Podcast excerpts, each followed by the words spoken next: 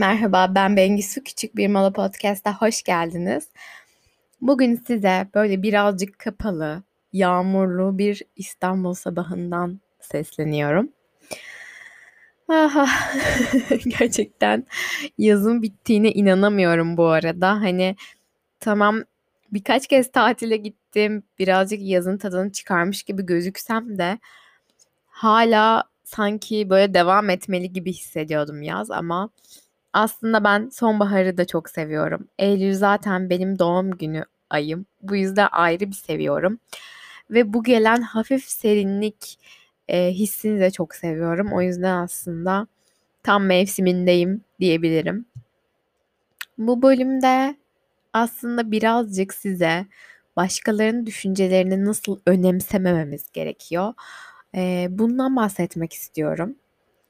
Beğenilmek artık böyle içgüdüsel bir ihtiyacımız olmaya başladı. Yani zaten aslında hiyerarşik e, ihtiyaçlarımız e, sırasında bir onaylanmak, sevilmek bir ihtiyaç evet ama e, ben sayılarla beğenilmekten, paylaşılmaktan bahsediyorum. Yani tabii ki de sosyal medyadan bahsediyorum. Ee, bu dijitale taşınalı gerçekten hayatlarımız bence değişmeye başladı. Ben mesela 4-5 yıldır YouTube'a içerik üretiyorum. Onun öncesinde de blog yazıyordum. Aslında o zamanlar işte ben lise sondayken, üniversitenin başlarındayken oluyor sanırım bu blog zamanı. O zamanlar blogum çok iyi gidiyordu. Hatta e, tabii influencer kavramı falan, fenomen kavramı hayatımızda yoktu o zamanlar. Böyle şeyler olurdu işte, eee, etkinlikler vesaire olurdu. Onlara beni çağırırlardı, giderdim vesaire. Bloğa reklam alırdım. 10 liralık, 20 liralık, 50 liralık falan. Ama ne olduysa bir şeyler oldu ve ben yazmayı bıraktım. Ama aslında hep biliyordum ki böyle kendime en dürüst olduğum zamanlar yazarkendi. Yani bu içten içe biliyordum. Ya yani o zaman da biliyordum, şu zaman da biliyorum. Duygularımı en iyi yazarken hissedebiliyorum ben. Belki içinizde böyle kişiler vardır benim gibi. Kendimi en iyi yazarken anlayabiliyorum.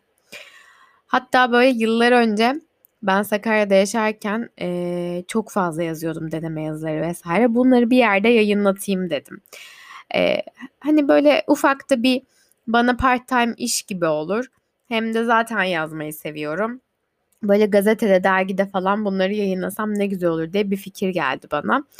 Ve sonra Sakarya'daki bütün gazetelere, dergilere vesaire mail attım. Ve birkaç tanesi de bana geri döndü. Görüşmeye çağırdı beni. Sonrasında e, bir gazeteye gittim işte. E, bunu tam zamanlı veya part time olarak yapmak istediğimi karşılığında da köşe yazıları yazabilirim gibi bir teklifte bulundum. E, hatta oranın genel müdürüydü benle görüşen. Şu an işte bir yazar pozisyonumuz yok demişti işte. E, hani eğer istersen burada gelip part time çalışabilirsin ama yazmakla ilgili değil tabii ki. Oradaki bir çalışma işiydi. Ama bana şey demişti. Bir yani ne olursa olsun hayatında çok güzel yazıyorsun.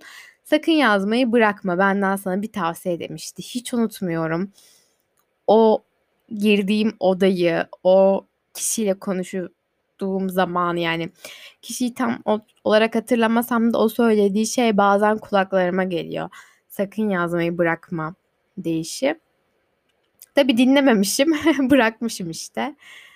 Ee, sonra bir gün ne olduysa böyle yine duygularımı yazmaya başladım. Sanırım bu ilk işimde çalışmaya başladığım zamanlara denk geliyor.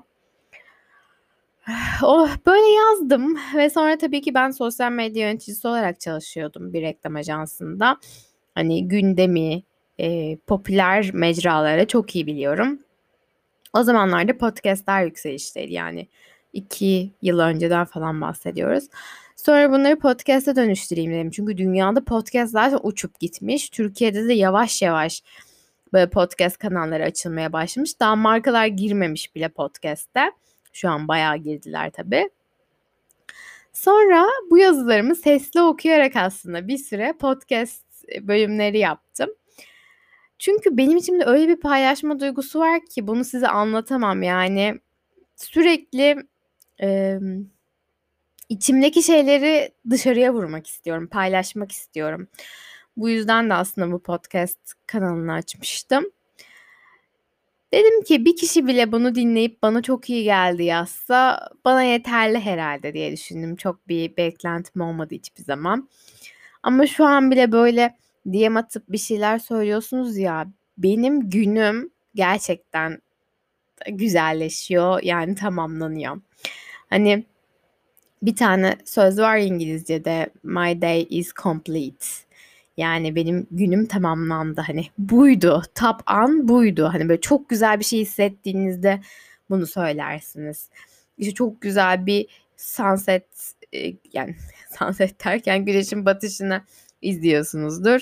Ee, oradaki o gökyüzünün renkleri size o kadar güzel gelir ki hani artık günüm tamamlandı bu tapağanıydı dersiniz. İşte sizin de bana yazdığınız yorumlar, DM'ler bana hep böyle hissettiriyor. Bazen çok kötü hissettiğim zamanlar oluyor gün içerisinde. Ama DM kutuma bir bakıyorum böyle satırlarca biri bir şeyler yazmış. Benim o podcast bölümümü dinlemiş ve on, ona bir şeyler hissettirmiş. Bu gerçekten benim için inanılmaz bir şey. Şu an anlatırken bile kalbim küt küt atmaya başladı. Bu yüzden de aslında sürekli podcast bölümleri devam etti benim için. Aslında podcastlerimin birçoğunu ben özellikle ilk başta ilk yazıyordum neler söylemek istediğimi. Sonra bir süre onları okuyup ekstra bir şeyler gelirse aklıma onlardan bahsediyordum.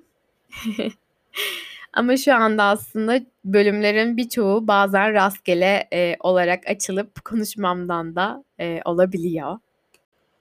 Benim kafamı kurcalayan sürekli bir problemler vardır ya da sorular vardır. Çünkü ben sosyoloji okudum, sosyoloğum aslında ve bütün eğitimim toplumdaki sorunları okuyup anlamakla bunlara böyle bir anlamlandırma çabasıyla geçti. Ve ben zaten aslında öncesinde de bunları çok okuyup araştıran biriydim ve eğitimimle bunlar kat ve kat önem kazandı. Bu aralar böyle kendime ne kadar kötü davrandığımı fark ettim aslında. Tüm bu sorularım ve düşüncelerimle ve gözlemlerimle. Kendime o kadar kötü davranıyorum ki aslında çoğu şeyi hak etmiyormuşum gibi konuşmalar yapıyorum kendimle. Ve bir insana bu kadar acımasız olamazsınız bence ama ben kendime o kadar acımasız acımasız şeyler söylüyorum ki. Ya o içimdeki ses hiçbir zaman susmuyor. Yani en nefret ettiğim bir insana bile belki bunları söylemem ama iç sesim bana sürekli bunları söylüyor. Belki sizin de böyle anlar oluyordur hayatınızda. İç sesinizi dinlemekten harekete geçemiyorsunuzdur. Ve aynı zamanda böyle bir şeyleri yaparken etrafıma fikir danıştığımı çok fark ettim bu ara. Yani danışmasam da aslında herkesin bir fikri, bir yorumu oluyor tabii ki. Sonra bende bir ışık yandı. Dedim ki hatta birkaç da YouTube videosu izledim bu konuyla ilgili. Başkalarının düşüncelerini umursamamakla alakalı. Aslında dedim herkes kendi hayatının bir yansıması olarak yorum yapıyor. İşte ben diyelim atıyorum işimden şükrediyorum. Birisi bana diyor ki işim var işte yani şükret çalış baksana bana işim yok. Yani demek ki kendisi bir işi olmadığı için şükretmem gerektiğini söylüyor. Ya da kendisi bu seçimi yapmadığı için pişman ve bana bu pişmanlığını anlatıyor.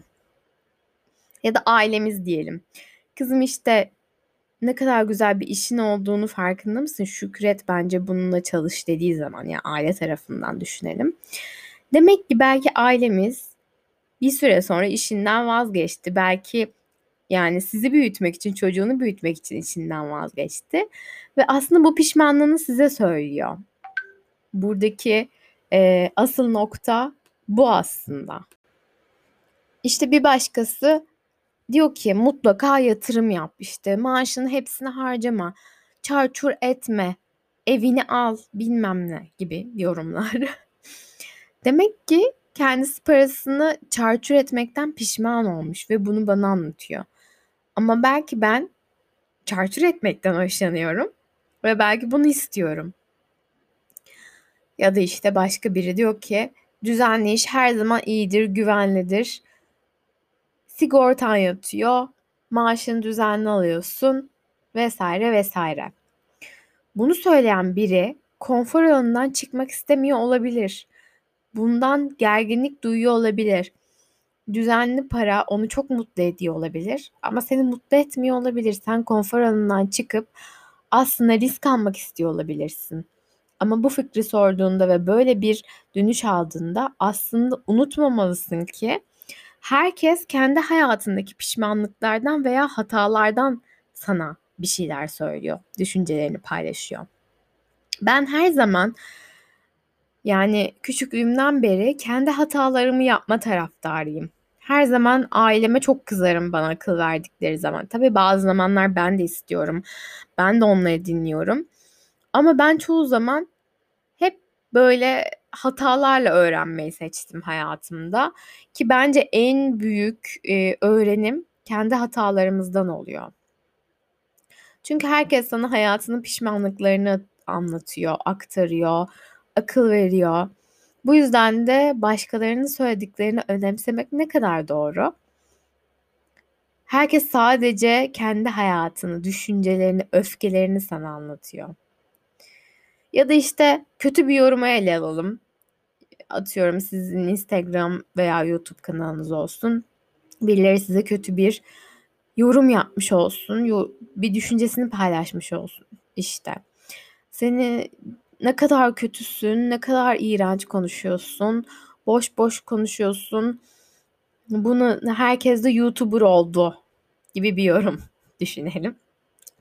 Bu kişinin aslında söylemek istediği kendisi cesaret edip o kameranın karşısına geçip o videoyu yükleyememiş, bu cesareti yapamamış ama yapan birilerini görmüş ve aslında kendi pişmanlığını aktarıyor sana. Yani seninle ilgili bir şey yok.